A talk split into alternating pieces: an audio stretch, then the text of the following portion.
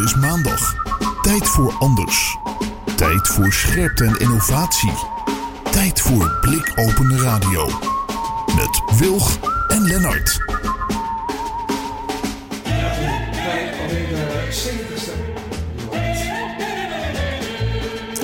Welkom bij alweer de 70ste aflevering van Blikopener Radio. Terwijl er op het mengpaneel van alles verkeerd ging. Ehm, mijn naam is Lennart Bader en vandaag is Ronald van den Hof onze gast. Ronald is uh, futurist. Hij is oprichter van Seeds to Meets. En dat is een bedrijf dat uh, actief is in de zakelijke markt op het gebied van flexibele werkplekken en vergaderruimtes. En ongetwijfeld nog veel meer. Ik denk dat we daar een beetje mee te doen als ik het zo kort door de bocht samenvat. Um, we zijn natuurlijk heel erg benieuwd naar zijn toekomstvisie op de veranderende kantoorbehoeften. Onder andere door, uh, door COVID. Ja, daar heb ik al eens leuke discussies met Ronald over gehad. Dus ik ben eigenlijk heel benieuwd. Gaan we horen zo meteen. Mijn naam is Echte Gons en vanavond hebben we verder in de uitzending Rix Herklots. Die hadden we al een keer te gast in onze uitzending over vrouwelijk ondernemerschap en investeren in, in vrouwelijke ondernemers. En zij is vanavond onze eerste, voor de eerste keer columnist. Ik ben heel erg benieuwd wat ze, wat ze gaat, gaat brengen. Ja, Leuk. en of ze dat ook vaker wil doen. Ja, nou, lijkt mij superleuk in ieder geval. Ze is een leuke gast in de uitzending ook. Uh, natuurlijk hebben we ook de week van. En daarin bespreekt Esther de blikopeners van afgelopen week. En als afsluiter, of toetje, net hoe jij het wil, columnist Herman Kouwenberg, het Hermaniak op Twitter. Uh, en uh, onze Twitter en social media expert praat ons bij over de nieuwste ontwikkelingen. Ja, Lennart, weet jij waarover? Ja, ik zag dat hij, hij gaat hebben over overheidsaccounts. Die worden gelabeld op Twitter. Um, Telepath, een social netwerk à la Twitter, wat opgericht is door oud-Cora-medewerkers. En de vraag of het Twitter-algoritme dat foto's toont racistisch is of niet.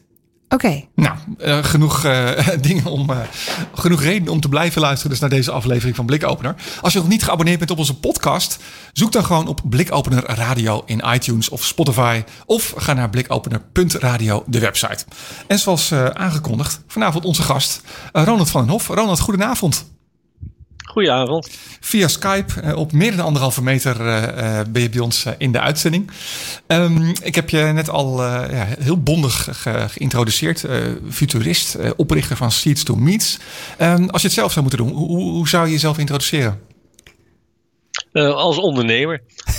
Alleen, zo, ja, en, en met zijn oorsprong in de hospitality-industrie. En dat heeft uiteindelijk geleid dat vanuit goed ondernemerschap je, je eigenlijk altijd heel erg ver vooruit moet kijken. En daarop moet anticiperen. En dat is een beetje uit de hand gelopen hobby geworden. Dus ik, ik heb een meer dan gemiddelde belangstelling voor wat er overmorgen gebeurt. En dat probeer ik te duiden en daar probeer ik over na te denken en daar met andere mensen over te spreken. En dan, uh, zeg maar, voor mijn eigen bedrijven zorg ik dat die bedrijven er klaar voor zijn als die vraag dan verandert morgen. Maar ik geef er ook presentaties over en ik uh, schrijf af en toe boekjes en publiceer daarover. Veelzijdig. Ja, ik vind het ook wel een mooie, een mooie naam, zeg maar. Wij noemen je futurist en jij zegt ik ben eigenlijk gewoon ondernemer. Zijn alle nemers dan futuristen of dat dan weer niet? Nou, niet, maar dat zou misschien wel moeten zijn. ja, je, je bedrijf moet natuurlijk altijd klaar zijn voor de vraag van morgen. Dat is, dat is in essentie natuurlijk waar het over gaat. En dan gaat het er niet zozeer over of we over twintig jaar naar Mars kunnen, ja of nee. Maar ik bedoel, ja, wat gebeurt er morgen? Wat gebeurt er overmorgen? Wat gebeurt er volgend jaar? Wat is de invloed van technologie daarop? Hoe verandert onze samenleving naar aanleiding van al dat soort ontwikkelingen? Uh, ja, hoe, hoe, is het politiek sentiment in, in, in landen waar je actief bent? Nou, daar moet je toch echt allemaal een beetje op anticiperen. Volgens mij is dat ondernemerschap. Ja. En een goede ondernemer kan dat beter, zeg maar, dan, dan iemand die geen ondernemer is of een minder goede ondernemer. Nou, nou, kan je natuurlijk uh, in de huidige situatie kun je wat dat betreft, ik, ja, ik wou zeggen je lol op, maar dat is misschien niet helemaal een passende term. Maar er is natuurlijk genoeg, uh, genoeg uh, te duiden of genoeg toekomst, veranderende toekomst. laten we daar later over verder praten. Ja. Als, als we eerst eens teruggaan naar, naar het verleden. hoe ben je hier zo ingerold? Je zei hospitality. Wilde je dat vroeger, ja, ik, dat ik, vroeger heb, ik heb heel, heel lang geleden hogere hotelschool gedaan in Den Haag. En toen ben ik eigenlijk natuurlijk, zoals dat hoorde in die tijd, als je zo'n opleiding had, kwam je terecht in het corporate bedrijfsleven. Dus ik heb bij wat grote clubs gewerkt, onder andere bij wat tegenwoordig Accor heet. En wat ik merkte is dat ik het wel heel interessant vond van wat er allemaal gebeurde. Maar dat ik ontzettend veel last had van, van de hiërarchie en alle politieke spelletjes eromheen. En dat beviel me totaal niet. Dus op een gegeven moment heb ik een uitstapje gemaakt. En toen ben ik eigenlijk voor een, een kleinschalig bedrijf gaan werken in Amsterdam in het toerisme. En daar was echt een ondernemer, was de baas. En van die man heb ik eigenlijk heel veel ondernemerschap geleerd. En uiteindelijk ben ik van daaruit voor mezelf begonnen. Maar dat is inmiddels al 35 jaar geleden. De tijd vliegt, waar blijft hij? en, en, en was dat al, al meteen eh, de, de voorloper van een Seeds to Meet? Of hoe, hoe nee, kwam je daarbij? Dat was, nee, dat, dat was toen nog in een vak. Dat bestaat eigenlijk niet eens meer, maar dat was inkomen toerisme. En dat betekent dat, we, dat mijn bedrijf in Europa eigenlijk zeg maar allerlei zaken organiseerde voor Amerikaanse en Canadese reisorganisaties. En dat was natuurlijk nog in de tijd van de telex en, uh, ah. en de fax. Dat was de uitvinding van het jaar. En dat betekent dat ze eigenlijk lokale kennis nodig hadden die je op afstand niet kon krijgen. En die boden we toen. Maar met de komst natuurlijk van internet ja, zijn dat soort bedrijfsmatige activiteiten eigenlijk min of meer verdwenen. Omdat je uiteindelijk zeg maar ja, je kan over alle kennis beschikken en alle contacten kun je zelf leggen. Daar heb je eigenlijk helemaal geen tussenpersonen meer voor nodig. En toen, toen veranderde dat? En, en uh, je zei net al. Ja, van, nee, dat, dat, is, dat is natuurlijk veranderd. En dat is wel aardig, of aardig. Is, het was ook zo'n vette ellende. Ik heb daar natuurlijk nog de golfcrisis meegemaakt. Dus uh, ik kwam op een dag op kantoor en toen was Amerika was net, of met Kuwait was, was uh, Irak was Kuwait binnengevallen. En op dat moment, zeg maar, ja, toen werd ook, al werden alle reizen geannuleerd en dat soort dingen. Dat was, had op de Nederlandse markt op zichzelf niet zoveel impact. Maar als je in de internationale reiswereld zat wel. En toen waren ook alle vliegtuigen opeens leeg en, en dat soort dingen. En, en stokte eigenlijk dat hele internationale reisverkeer stokte. Dus ik had een, een hartstikke leuk kantoor in Amsterdam op de, op de gracht. En ik kwam s morgens binnen en er zat een man of dertig me met vragende ogen aan te kijken. Van nou zeg maar wat we gaan doen. en toen was in één dag mijn omzet naar nul. Wow. Dus wat, wat een aantal ondernemers nu meemaken. En dat maak ik zelf nu ook weer mee deels. Ja, dat, dat heb ik al een keer meegemaakt. Ik herken dat wel. Dat, is, dat is verschrikkelijk.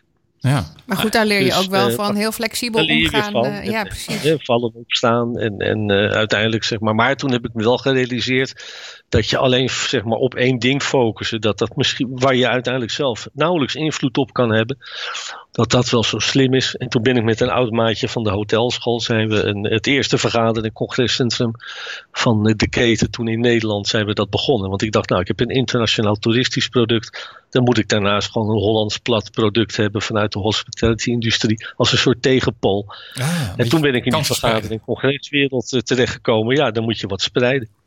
Goed, en dat is uiteindelijk, zeg maar, krijg je daar de, de, de entree van het internet en de nieuwe technologie en dat soort zaken. En toen zagen we ook daar al een enorme verandering. Nou, in die tijd had ik een hele eigenwijze sales manager in dienst. En dat is uiteindelijk mijn, nog steeds mijn huidige compagnon, Marjelle Seigers. Heeft toevallig ook hotelschool gedaan in Den Haag. En met die technologie en met zeg maar, de, de wijze van waarop we in het verleden vergaderingen organiseerden, hebben we toen in 2007 een heel nieuw concept neergezet, waarbij dat gecombineerd werd. En dat is uiteindelijk iets toen niet geworden. Ja, dat vind ik ook wel interessant. Hè? Uh, en daar was je dus al heel vroeg mee bezig. En er zijn heel lang heel veel mensen geweest die dat Seeds to Meet concept misschien niet helemaal begrepen. Nou, die mag je zo even uitleggen dan. Uh, maar dat begint nu. Ja, nog. Ja, maar opeens is het echt hyper relevant eigenlijk aan het zijn. Uh, en dat vind ik wel heel bijzonder. Ja. Uh, deze versnelling. Maar, maar Seeds to Meet, want dat is iets heel anders dan alleen maar uh, vergaderruimtes. Hè? Er, zit, er, zit, er zit een visie achter. Vertel eens. Nou, waar, waar, het om gaat is dat je, dat je uiteindelijk zeg maar, gebruik maakt van die nieuwe technologie ontstaan er wat, uh, wat, wat andere mogelijkheden. En dat betekent, dat zie je ook aan bijvoorbeeld Airbnb en Uber, toen die eigenlijk begonnen, dat we daarmee inzichtelijk maakten van wat je noemt de overvloed die er in organisaties is als je een file hebt van, van 20 kilometer, of een, sorry, een file van uh, 20 auto's, ja, daar zit daar gemiddeld, uh, nou wat zal het zijn, 25 mensen in. Maar die capaciteit van die 20 auto's is 80 plaatsen. Dus je hebt bijna driekwart zeg maar, van je voorraad is daar over. Dus dat was natuurlijk de kracht van, van Uber in het begin. Dat je eigenlijk zeg maar, overbodige auto's, stoelen begon te delen met elkaar. Nou, dat geldt voor Airbnb met hotelkamers. En wij hebben dat gedaan met werkplekken. Ik bedoel, we kennen allemaal uh, hotels en, en, bedrijven. Daar, daar heb je bedrijfsrestaurants en lobby's. En, uh, ik bedoel, een theater dat is s'avonds open en overdag dicht. Uh, sportvelden en met, met prachtige kantines erbij en, en andere voorzieningen. Die worden alleen het weekend gebruikt en niet door de week. Dus als je goed gaat kijken vanuit fysieke plekken is er eigenlijk heel veel overvloed. En wij zijn die overvloed via internet gaan aanbieden voor wat tegenwoordig coworkers. Dat woord bestond helemaal nog niet in 2007. Ja. Maar wat, wat voor coworkers. En dat betekent dat je je overvloed deelt. Dus dat bied je aan aan coworkers. Die komen bij ons werken. En die betalen dan niet met geld, maar met de bereidheid tot het delen van hun kennis met anderen. En die bereidheid met het delen van je kennis, dat noemen we sociaal kapitaal. En uh, daar zijn we eigenlijk op voort gaan borduren. En dat betekent dat uh, als mensen elkaar ontmoeten en mensen kennen elkaar niet, maar zijn wel relevant voor elkaar. Nou, dat noem je met een ingewikkeld begrip serendipiteit. Is onze business eigenlijk er helemaal op geënt om dat proces te optimaliseren. Dus we faciliteren eigenlijk de ontmoeting tussen mensen die relevant voor elkaar zijn op een bepaald moment op een bepaalde plek, maar die elkaar niet kennen. Nou, dat leidt tot allerlei vernieuwende activiteiten. van, van start-ups, boeken, scholen zijn er ontstaan, eh, bedrijven, eh, projectgroepen en dat soort dingen. En als je enigszins een groepje hebt, ja, dan heb je natuurlijk al gauw een vergaderzaal nodig. Nou ja, die bieden we ook. En dat is uiteindelijk huren mensen dan een vergaderzaal. En dat betalen ze gewoon met euro's. Dus we hebben daar dat is een model. model. Ja. ja, wat de combinatie is tussen sociaal kapitaal en monetair kapitaal. En dat is in een mooie nieuwe balans is dat eigenlijk terechtgekomen. Dat werkt heel goed. Ja, nou zei jij net, eh, er zijn, er zijn nog steeds mensen die het niet helemaal, helemaal snappen. Uh, wat is er het lastigste aan voor, uh, voor mensen? Nou, die zeggen dan, ja, je geeft de stoelen gratis weg. Punt. En dan zeg ik, nee, dat is niet gratis, mensen betalen. Alleen niet met geld. Ik bedoel, wij, zijn, wij zijn natuurlijk in onze huidige samenleving gewend alles naar geld toe te rekenen. Maar er is natuurlijk veel meer. En dat betekent uiteindelijk zeg maar, dat er ontzettend veel interactie kan ontstaan zonder dat er sprake hoeft te zijn van geld. Um, en dat proces faciliteren we eigenlijk. En dat levert natuurlijk dan uiteindelijk zeg maar, weer een geldelijke business op. Want er moet wel een balans zijn.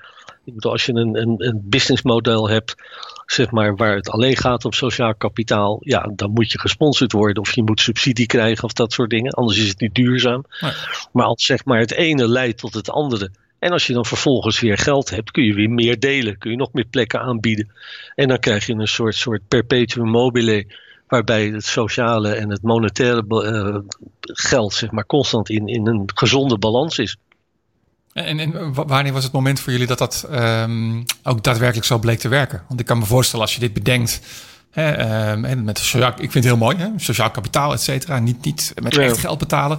Uh, maar de schoorsteen moet wel ergens roken natuurlijk ook. Hoe, hoe, hoe, hoe, ging dat toen je dit begon? Of is het iets wat geleidelijk ontstaan is?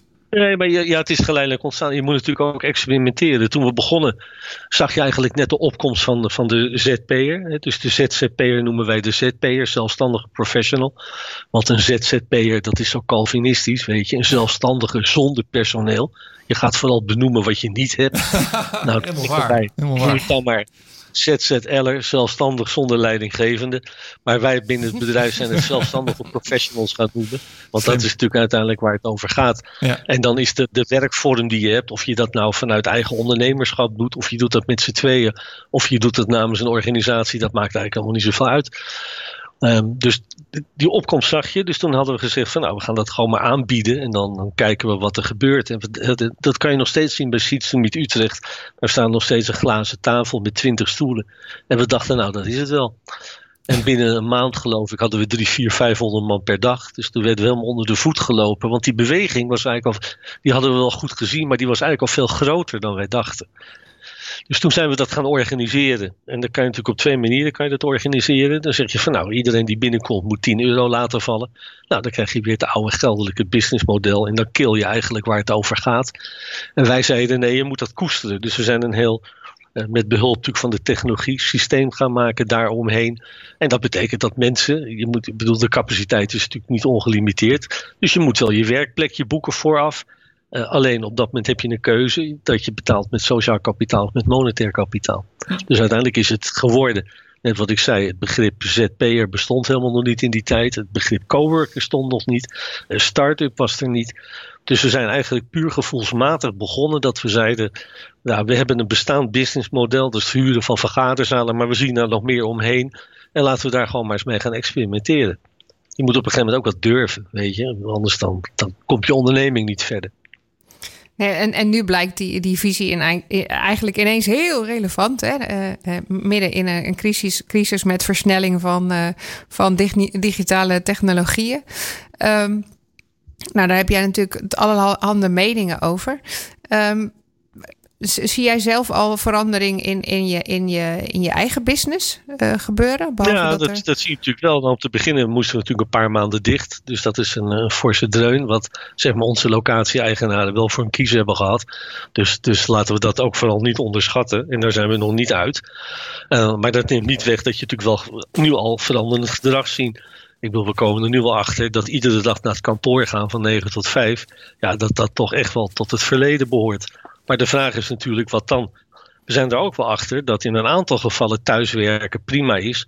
Maar ja, als dan de school dicht gaat en je moet ook nog lesgeven aan twee kindertjes en je hebt één laptop en weet je, ja, dat, dat werkt ook niet. En uiteindelijk zijn we natuurlijk sociale wezens als mens. Dus je hebt altijd andere mensen om je heen nodig. En dat is natuurlijk de kracht van het werken in, de, in teams of in netwerken. Dus dat betekent in, in mijn optiek dat we een soort combinatie gaan krijgen. Dus je zal deels in de toekomst thuis werken, je zal deels werken op kantoor, op je, wat tegenwoordig dan nog je kantoor heet. Um, en er komen natuurlijk plekken die er al zijn, hè, zoals seats to meet locaties, dat noem je third places, die natuurlijk zeg maar tussen kantoor en thuis liggen. Ja, die worden belangrijker erin. En dat zullen we gaan gebruiken in een mix. Dus het ene moment zit je op kantoor, het andere moment daar. En dat, dat gaat zo door elkaar heen. Ik vind die third places wel, wel interessant. Want is dat dan, dat is dan, je, je kantoor is dan verder weg en zoek je dan juist iets dichter bij huis? Is dat hoe je dat ziet? Of ja, dat, dat is het punt. Dus je zegt maar, uh, je kantoor is in Amsterdam en je woont in Zeist.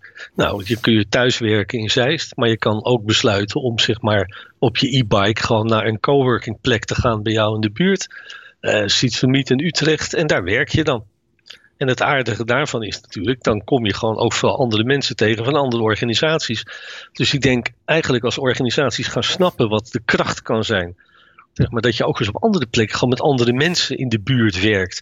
En dat daar nieuwe verbindingen ontstaan. Dat dat alleen maar een verrijking kan zijn. Niet alleen voor de, de, de werkenden zelf, maar ook voor de, de organisatie waar die werkenden toe behoren. En het geeft je natuurlijk veel meer flexibiliteit. Het is uh, natuurlijk vele malen goedkoper. Want je hebt een veel kleiner eigen kantoor nodig. Um, ja, en het scheelt een hoop uh, files en een, een hoop uh, ja, verspilde reistijd en dat soort dingen.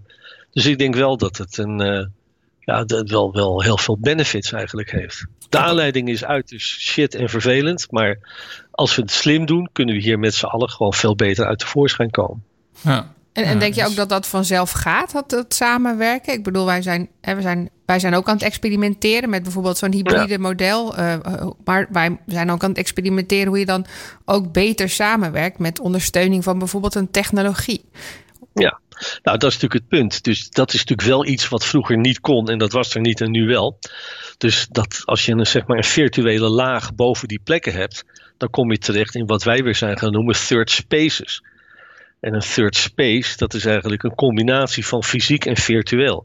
En dat kun je natuurlijk zowel thuis hebben. En dan gaat je virtuele kantoor gaat met je mee naar andere plekken. Nou, bij Seeds kun je dan gematcht worden met andere mensen. Dat is ook technologie. Hè? Dat, is ook weer algoritmes en kunstmatige intelligentie. Uh, en je hebt natuurlijk, ik weet niet hoeveel verschillende manieren om samen te werken met elkaar. Weet je? En, en dat is hetzelfde als met samen communiceren. Of het nou Skype is, of Zoom, of Jitsi, of verzin het allemaal maar. En je hebt natuurlijk zeg maar de corporate samenwerkingssoftware, hè, zoals Teams of, van Microsoft. Maar je hebt ook een Nederlands uh, netwerk, dat heet Pardub. Kun je ook prima mee samenwerken. Sommige mensen zweren bij Slack. En, en dat, dat, dat, dat gaan we allemaal uitvlooien de komende periode. Van, van wat is handig? En er is natuurlijk niet één antwoord. Hè. Dus in het ene netwerk, meer in een corporate omgeving, zal je je zeg maar verbinden aan wat dat netwerk gebruikt. En in een ander netwerk ben jij bepalend hoe je communiceert en hoe je dat doet.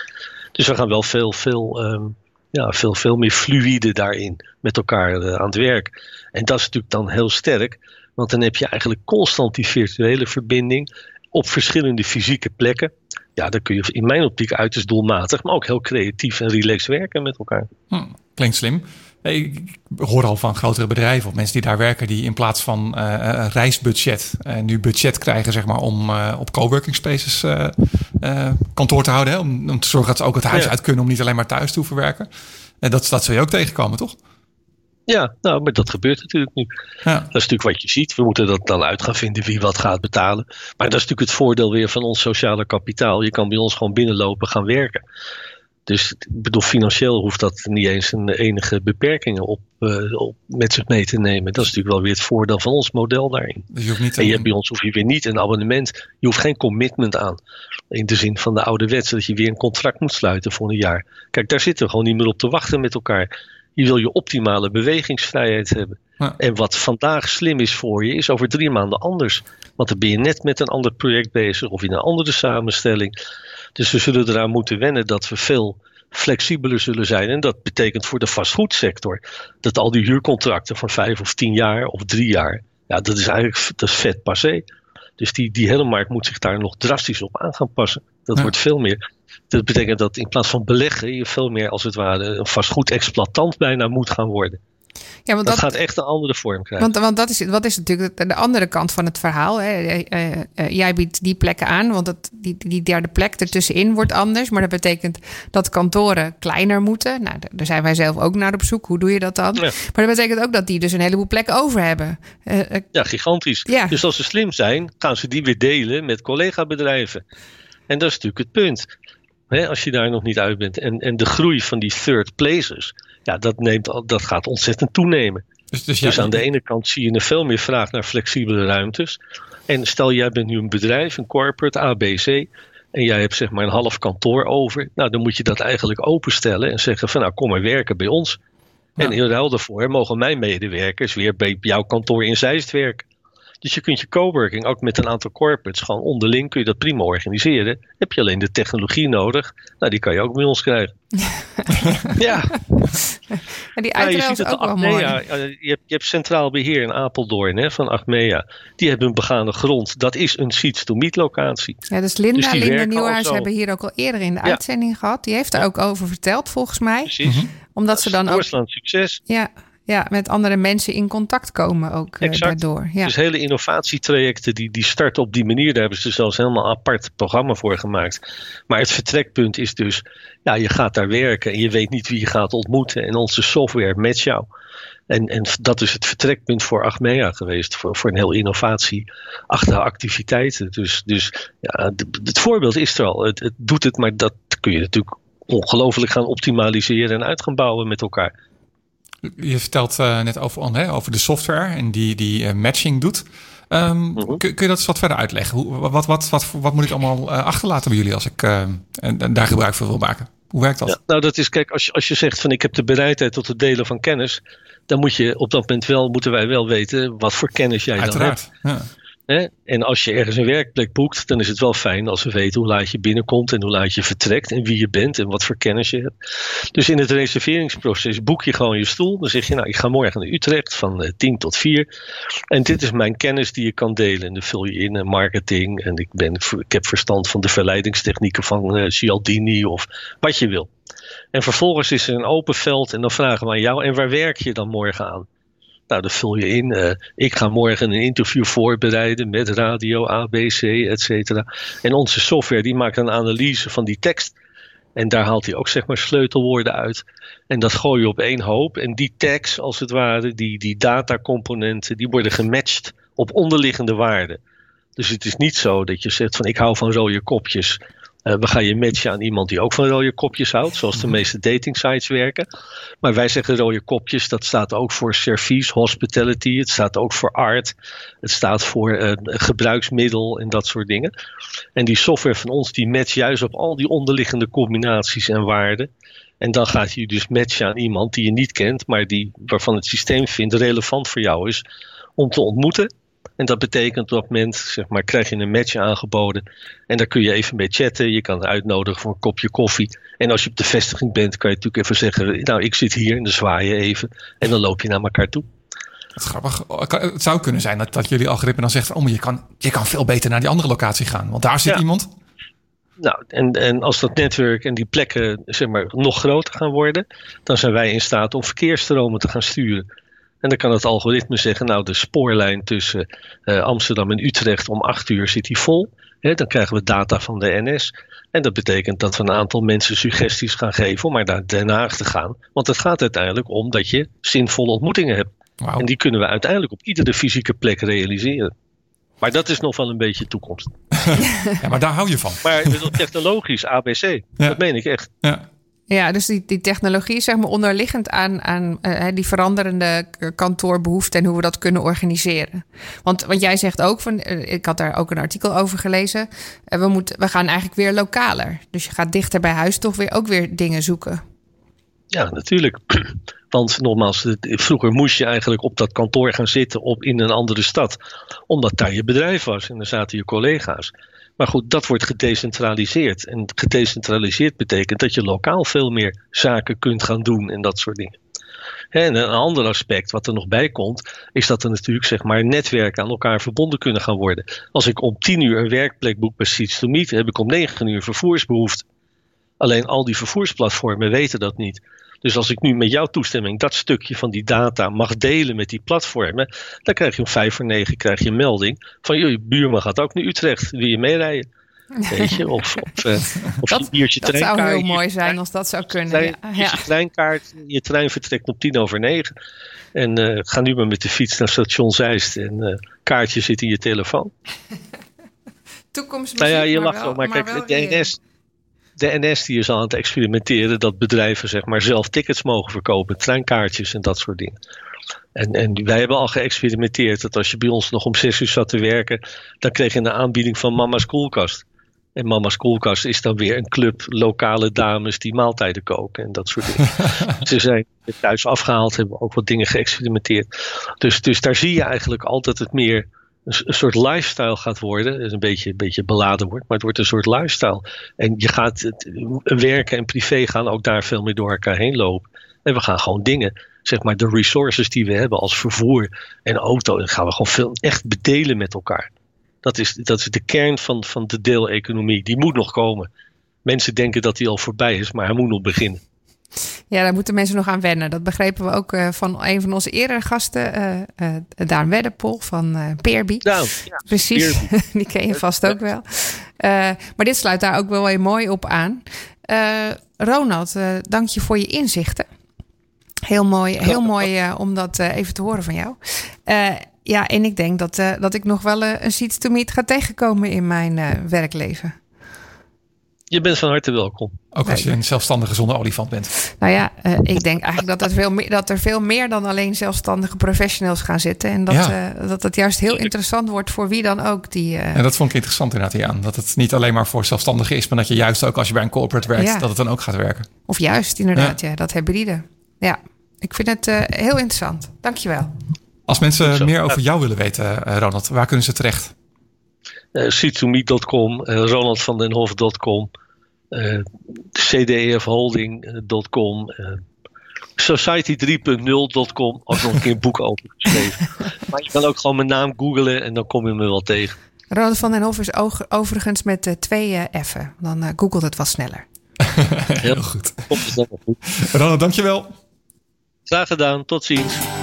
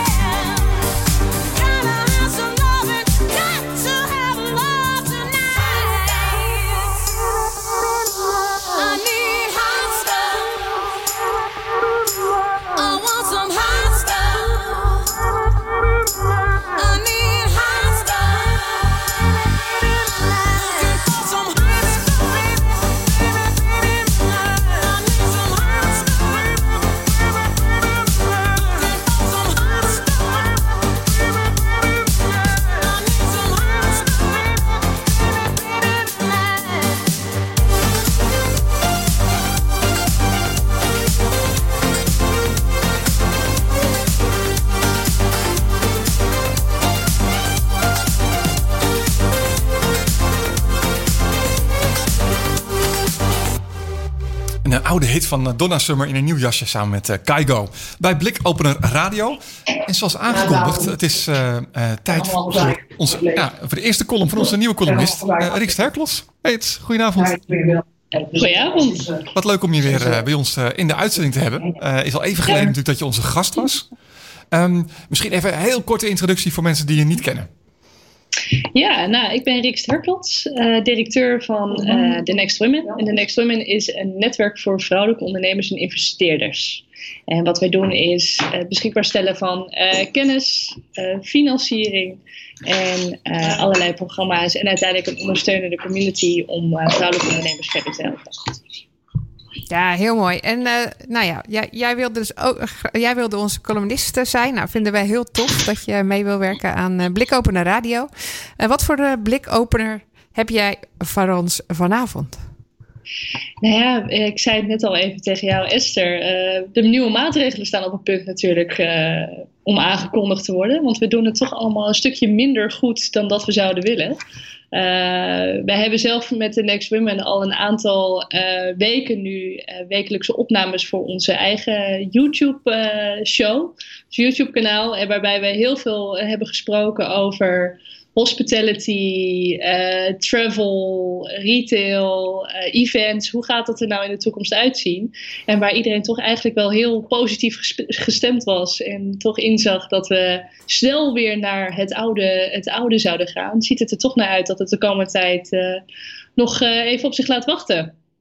Dus uh, ja, wat dat uiteindelijk gaat betekenen voor het feit dat uh, in theorie 75% van de horeca al aangaf het niet te zullen gaan redden.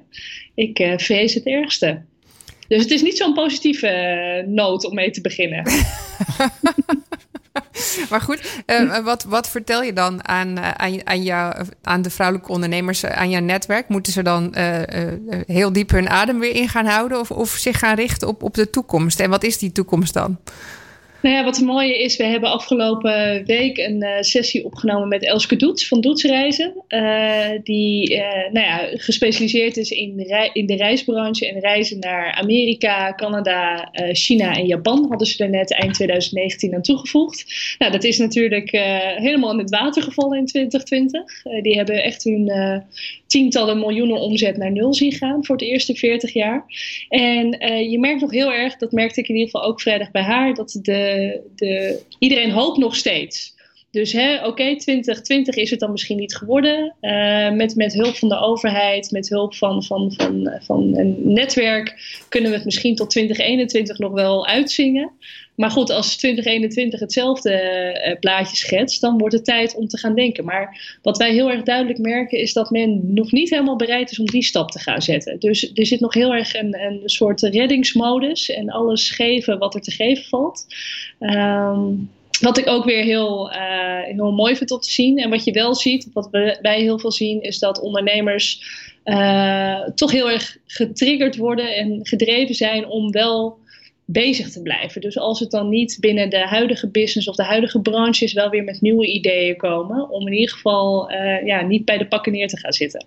Maar die extra uh, stap van oké, deze branche is zometeen misschien op sterven na dood. Of we moeten daar echt iets uh, totaal anders voor gaan verzinnen. Daar zijn we nog niet met elkaar.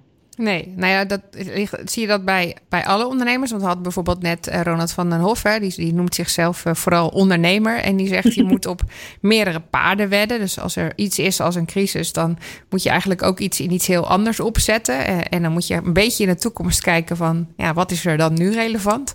Is, is dat iets wat je dan meegeeft? Of, of snappen jullie ook van, nou ja, goed, die baby die je dan uh, groot gebracht hebt, willen we ook niet meteen uh, met het badwater weggooien. Of hoe, hoe noem je zoiets? ja. In de crisis ja, verzuipen. We, we, we, hebben de afgelopen maanden veelvuldig uh, de term hè, never waste a good crisis voorbij horen komen. En daar ben ik het ook zeker wel mee eens. Maar je ziet dus inderdaad wel dat, dat de, de ondernemers die in de sectoren zitten die echt hevig, heftig geraakt zijn daar ook echt wel mee bezig zijn. In de zin van, eh, nou hè, dus inderdaad bijvoorbeeld zo'n Elske die nu met een, eh, een buddy systeem om de eenzaamheid onder ouderen te verhelpen aan de slag is gegaan. Maar nou ja, we weten ook dat je uiteindelijk, hè, multitasken bestaat niet. En je, haalt je boekt het beste resultaat door je ergens op te focussen. Dus als je nu al je aandacht te veel gaat verdelen, dan ga je het waarschijnlijk sowieso niet redden. Dus het is, nou ja, zoals wel vaker in ondernemerschap, echt een kip-ei situatie. wat, wat ga je doen en op welke welk paard zet je uiteindelijk het meeste van je geld in? Ja, heb je nog een uh, ultieme tip voor, voor ondernemers? Een ultieme tip voor deze tijd is: uh, ja, zorg, dat je, zorg dat je die creativiteit wel laat stromen. Dus wat je daar ook voor, what, whatever it needs, whatever you need to, to have that. Hè, wat, wat er ook maar voor nodig is om wel die ruimte voor jezelf te creëren. Om uh, je niet alleen maar in de zorg te storten, maar ook die ruimte te hebben om inderdaad dus over nieuwe ideeën en nieuwe plannen na te denken. Zorg dat je die ruimte voor jezelf inbouwt. Goeie tip. Zeker een goede tip. Moet je wel de ruimte in je hoofd hebben, maar daar hebben we dan weer andere tips voor. Ja, fysiek zou je bij Ronald terecht kunnen, maar ja. Ja, precies. Het komt alweer mooi samen. Uh, Riks, dank je wel voor je bijdrage. Als, als uh, mensen meer over jou uh, of, of je bedrijf willen zien, waar kunnen ze terecht? thenextwomen.com of ze mogen ook altijd een berichtje sturen naar riks.thenextwomen.com. Heel goed, dankjewel. En, Jullie ook. En zo gaan we door met de week van. Yes, Esther, wat, wat viel jou afgelopen week op? Nou, het begint eigenlijk met een uh, Twitter-conversatie die, uh, die ik had. Uh, ik las namelijk via de NOS dat um, de Amerikanen een waterprijs introduceren op de beurs. Dus zij lanceren op de beurs een prijs voor water, zoetwater, drinkwater. Um, en daar stond ook als kop bij: is dit het begin van het eind of is dit juist goed? Hmm, nou ja, dat vond ik een hele lastige. Ik vind hem zelf al dan onmiddellijk een beetje dubieus. Dus heb ik op Twitter wat uh, professioneel advies gevraagd. Van, kan iemand mij daar perspectief op brengen, uh, uh, op geven? Nou, daar, daar legt iemand uit, Ed Arjan Struik, die ook echt bezig is met fintech en, en, en de toekomst financiële dingen. Van nou ja, goed, termijncontracten zijn al heel uit. Hè. Je, je, oud. Je sluit onder andere termijncontracten af om risico te beperken. Als je bijvoorbeeld um, nou ja, uh, als boer een marktprijs uh, nodig hebt om, om het een beetje in te calculeren. Uh, en dat, wordt, en dat, doe je, dat doet, doen ze bijvoorbeeld met cacao en graan, um, dat soort dingen. Maar goed, dat is natuurlijk lastiger met water. Want wie is nou de eigenaar van water? en kun je water überhaupt commercialiseren? Of, of Precies. Uh, kun je het claimen? Van wie is het dan? Ja, je kunt het zeker communiceren. Je, je, ziet natuurlijk al die flesjes met, uh, met drinkwater en zo. Dat is natuurlijk eh, het ultieme voorbeeld van hoe je iets wat eigenlijk niks kost... wat je gewoon goed. van godsvermogen verkoopt. Maar Arjan zegt ook, wat gebeurt er dan bijvoorbeeld... als Duitsland besluit heel veel water vast te gaan houden... wat dan vervolgens ons land niet meer inkomt? Hoe gaan we daar dan mee om? Uh, nou, dat was een hele aardige discussie van ja, hoe kan dat misgaan? En, en ik zat erover na te denken dat, hè, dat wij dus eigenlijk de natuur in ons kapitalistische systeem gaan stoppen. Terwijl we natuurlijk eigenlijk gaan moeten kijken van, hè, maar moeten we dat niet omdraaien? Uh, moeten wij niet verantwoording leggen, afleggen aan de natuur die wij nu uh, kosteloos leeghalen uh, en vervuilen eigenlijk? Ja. dat, dat, was, dat was een beetje een eerste inzicht. Nou, dan kwam ik weer terug bij de, de Odyssey Hackathon, waar ik het al eerder over heb gehad, die nu bezig zijn van, kan dat? Kun je de natuur een soevereine entiteit maken, waardoor je als mens verantwoording moet afleggen als je daar iets doet aan vervuilen of eruit halen. Ja. Nou, dat, vind dat je daar belasting dat je daar, Ja, dat je daar iets mee doet in plaats van de natuur in ons commerciële systeem zou stoppen. Maar of we daar überhaupt uh, snel zijn, dat is dan natuurlijk de vraag. Want dat werd een hele interessante discussie op Twitter. Ik denk dat we daar voorlopig nog niet aan toe zijn, maar het zou wel heel mooi zijn. Uh, dat, dat kwam ik uh, tegen. Verder kwam ik tegen, een beetje aansluitend op uh, de discussie die we eerder vanavond hadden met Ronald. Um, we hadden ook al eerder Facebook die zei we gaan helemaal remote. En nu is het bericht dat ook Google tegen al zijn werknemers heeft gezegd: Nou, je hoeft dus niet meer terug naar kantoor als je dat niet zou willen. We gaan volledig remote maar je mag ook hybrid werken. Maar dat betekent dus heel veel voor de interne strategie van Google. Uh, en zo zijn er nog veel meer bedrijven die dat nu al in hun strategie opnemen. Van, uh, van, van hun bedrijfspolicy. dat ze een strategie opnemen van nee, nee maar uh, we gaan dus inderdaad niet meer full, fulltime op kantoor zitten. Nee, we willen echt dat mensen zoveel mogelijk thuiswerken als ze dat kunnen. Nou, en Google is dus uh, een van die bedrijven die dat nu ook officieel verklaard heeft. Hmm. Wat kwam ik verder tegen? Nou, dat, dat, daar wees jij me op, Lennart. Battery Day. Ja, ik heb me er niet goed genoeg in kunnen verdiepen. Anders dan een, een, een filmpje met hoogtepunten doorkijken. Maar het was nogal een ding. Ik weet ook dat we eerder dit jaar, toen we ehm, Bas uit mijn hoofd te gast hadden. Bas Kijk. Ja, uh, en we gepraat hebben over de, de, elektrische voertuigen waar zij aan werken. Dus het elektriseren van zeg maar ook ehm, motorfietsen en, en andere apparaten zeg maar dan auto's. Elektrisch maken daarvan, daar was hij onze gast over.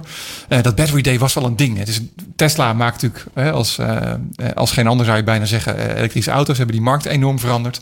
En Battery Day was de grote aankondiging waarin ze aangaven wat ze op technologisch vlak um, en nog, nog in petto hebben de komende tijd. Ja, en dat was eigenlijk wel grappig, want er waren heel veel mensen die eigenlijk verwacht hadden: nou, er komt nog een Cybertruck of uh, er komt nog een, uh, een andere grote aankondiging. Nee. Die kwam er niet, dus nee. dat, dat, leek een teleurstelling. Maar eigenlijk kondigden ze aan uh, hoe ze nou uh, het zien in de toekomst, maar dan vooral op het gebied van hoe kunnen we die elektrificering dus goedkoper maken. En dat ja. betekent zoveel als inzetten op een heel ander soort batterijen. Batterijen die, uh, nou ja, dat is misschien heel te technisch, maar batterijen die dus goedkoper veel langer mee kunnen, waar dus langer mee kan reizen, goedkoper. Maar ook uh, hoe kun je ervoor zorgen dat je zo min mogelijk uh, van die spullen uit de natuur, dus uh, de kobalt, de lithium, die, je moet, die je moet minen, zeg maar.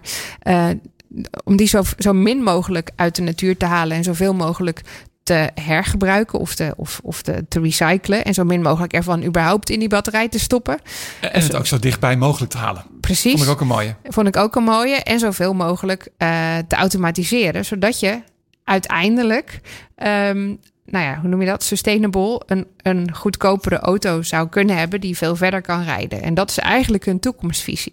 En daarmee zouden ze dus zeg maar, um, uh, volgens mij is de, de is, er is een eenheid. Ik weet niet precies uh, of het wat per kilometer is, iets in die trant. Ja. Maar dat, dat ligt voor uh, benzineauto's ligt dat op een bepaalde waarde. En elektrische auto's zitten daar nog boven, zeg maar, met, met hoe hè, gunstigheid kan zijn.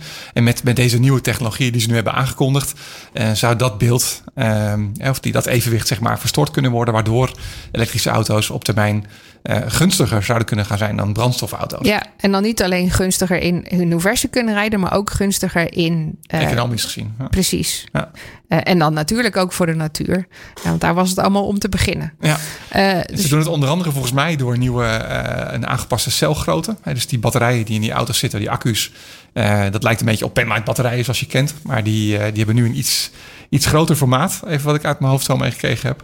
Uh, waardoor dat uh, efficiënter is. Ja, er, er waren allemaal helemaal mooie tekeningetjes. Ja, ja. stukjes rood ertussen. Dus ik weet niet precies hoe het werkt. Nee, nee het, was, het, het kwam steeds meer van... ze hadden het doel om het 50% uh, beter te krijgen op allerlei vlakken. Ja. En uiteindelijk was de, de optelsom zat hem erin... Dat het andere materialen waren, andere manier van produceren... andere vormgrootte...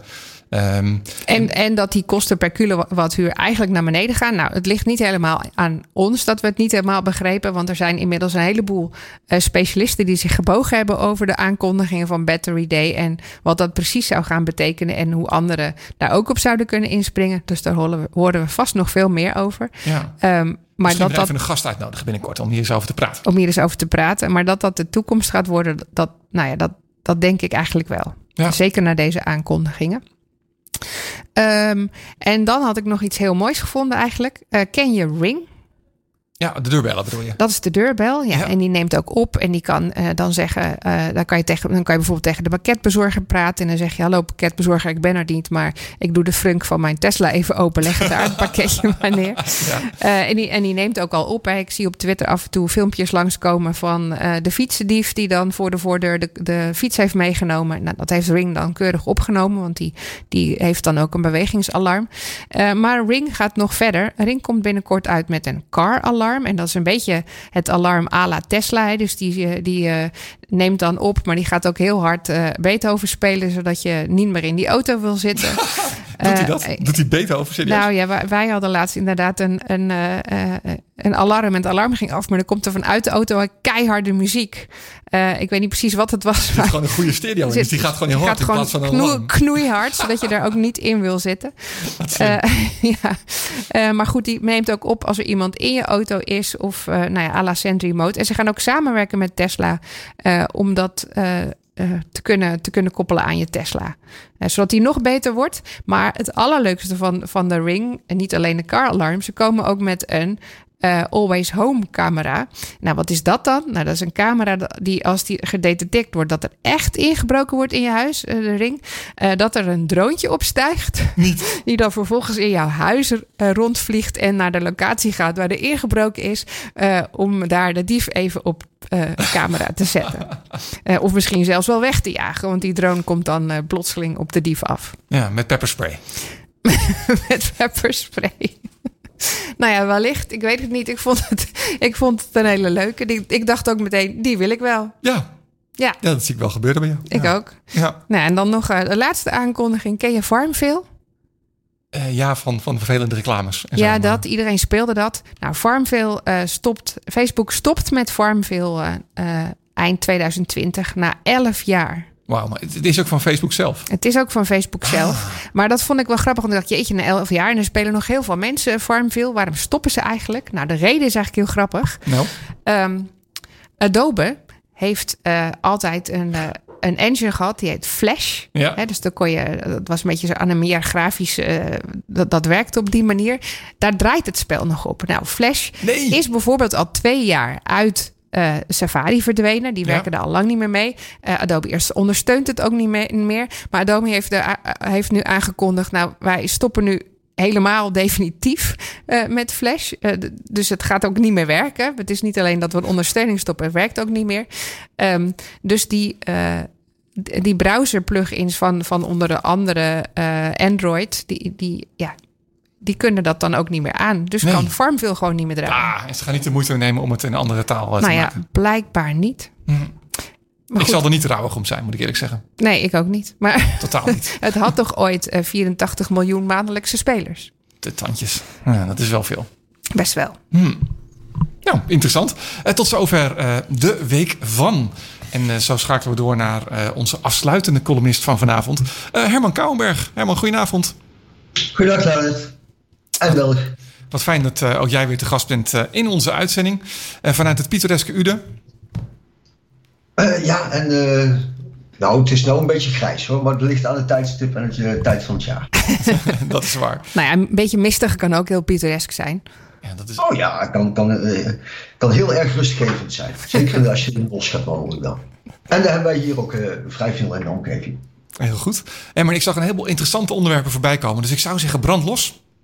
Daar gaan we dan. Uh, Twitter heeft uh, in de aanloop naar de komende presidentsverkiezingen in de Verenigde Staten besloten om uh, alle overheidsaccounts, dus zowel die van real Donald Trump als van een of andere boswachtersclub in, in Arizona, als we daar bossen hebben, krijgen voortaan een apart label zodat je ze kunt herkennen. Nou, enerzijds is dat best wel leuk, uh, want ja, openheid en herkenbaarheid ben ik een groot voorstander van. Uh, anderzijds uh, is het wel zo dat, waar, waar, wij het ook regelmatig over gehad hebben, trollen en andere kwaadwillenden zullen zich niet gaan van zichzelf gaan zeggen van ik ben een overheidsinstantie. Dus ja, nou, ik, ik, weet niet in hoeverre het gaat werken. Misschien dat degenen die wel officieel tot een overheid behoren, uh, hun toon enigszins gaan uh, aanpassen aan het feit dat uh, het een openbaar platform is. als we dat eraan overhouden, dan zou dat leuk zijn. Maar het is eigenlijk gewoon een soort het, het, het blauwe vinkje, het bekende vinkje van Twitter. zoiets wordt het dan ook zeg maar van. Nee, het wordt wel een apart overheidsding. dus maar het is niet zo dat, Kijk, wat, anders zou. Uh, uh, jij weet dat ik heb toevallig ook zo'n blauw vinkje. Of eigenlijk is het een wit vinkje en een blauw vignetje. Ja. Als je het precies wil hebben. Zeker. Die, die, heb ik ook ooit gekregen van Twitter. En als ze dat op politici dezelfde vinkje zouden geven, dan zouden ze kunnen denken dat ik een politicus ben en verstand van zaken heb over andere dingen dan waar ik echt verstand van zaken van heb. Dus nee, dat lijkt me geen goed idee. Het dus, wordt misschien een andere kleurige van label. Het wordt in ieder geval een labeltje waarmee je dat kan zien. Ik, ik, denk dat het in ieder geval niet blauw of rood zal zijn uh, om, om uh, de vingers niet te branden in Amerika. Want blauw en rood hebben daar uh, andere betekenissen in de zin van republikeins en democratisch. Maar ik ben nog wel benieuwd naar de daadwerkelijke functie dan. En wat dat echt ja, zou gaan doen. Ik, ik, denk alleen maar vergroten van herkenbaarheid. en dat ja, ik hoop dat, uh, dat er iets komt als, als een matiging van toon door sommige politici. Maar ja. Of dat dat ook kan bewerkstelligen, dat, dat weten we niet. Ik, ik betwijfel het. Ja. ik, hoop, ik hoop dat je aan mijn tone of voice uh, ook al een inschatting kreeg uh, dat, dat het niet zeg maar mijn, mijn meest hoopgevende Twitter-ding is. Maar waar ik wel misschien wat in zie, is Twitter voice DM's. Uh, dat is iets wat in uh, Brazilië geprobeerd is. En uh, schijnbaar is die probeersel zo goed bevallen.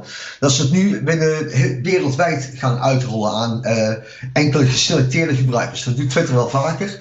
Dan krijg je sommige gebruikers, en daar kun je eigenlijk niet voor opgeven. Dan ben je gewoon toevallig at random, word je daarvoor gekozen. Krijg je die uh, nieuwe functionaliteiten en dan kijkt Twitter van, uh, nou, uh, hoe, hoe, zou je, hoe zouden ze daarmee omgaan? Maar dat is een en, beetje net als binnen, binnen WhatsApp, dat je audioberichten kan opnemen, maar dan alleen dat je die per DM aan iemand anders kan versturen. Ja, dat, dat is inderdaad het idee. en ik, ik, krijg ze zelf gelukkig zelf tot nooit, want ja, ik, ik heb heel, heel af en toe heb ik mijn oortjes in. Maar voor de rest gebruik ik gewoon de telefoon of de speaker van mijn telefoon als het zover is.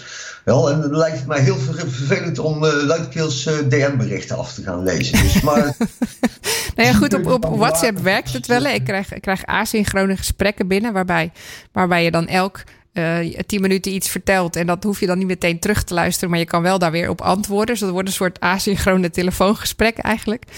Uh, bij ja, DM vind ik het ingewikkelder. Getypte tekst antwoorden zou ik ook doen. Oh ja, ja. Voor mij zou het misschien wel schelen, want ik maak enorm veel typo's, uh, noem ik dat dan. Dus, en in spraak doe ik dat niet zo heel snel. Maar dat, dat zou wel een, een leuke zijn. Uh, daarop op ons vorige onderwerp een beetje voortbedurend, waarbij ik zei dat uh, niet zozeer de politici zelf als wel uh, de, de mensen die zich voor bepaalde groepen uitgeven, en dat vaak luidkeels en niet op de meest fijnzinnige manier, dat idee, dat, dat loopt mis. Al, op, op Twitter is het een probleem, op, op Facebook is het een probleem. Je wil, als je de comments onder sommige Facebook berichten leest, dan, uh, dan, dan denk je dat alleen maar uh, het afgoedputje van uh, de samenleving actief is op social media. Maar met dat idee van dat moderatie eigenlijk het uitgangspunt zou moeten zijn van een sociaal netwerk, hebben twee oud-Quora-medewerkers hebben op een, het idee gehad om daarmee aan de gang te gaan. Er is een sociaal netwerk waar je alleen maar op mag als je een invitatie hebt. Dat heet Clubhouse. En daarin hebben ze gedeeld dat ze gaan beginnen met een uh, nieuwe app en die heet Telepath. Hij is ook al in beta bij sommige mensen in gebruik. Ik heb me er net voor opgegeven. en dat is, heeft eigenlijk moderatie als uitgangspunt.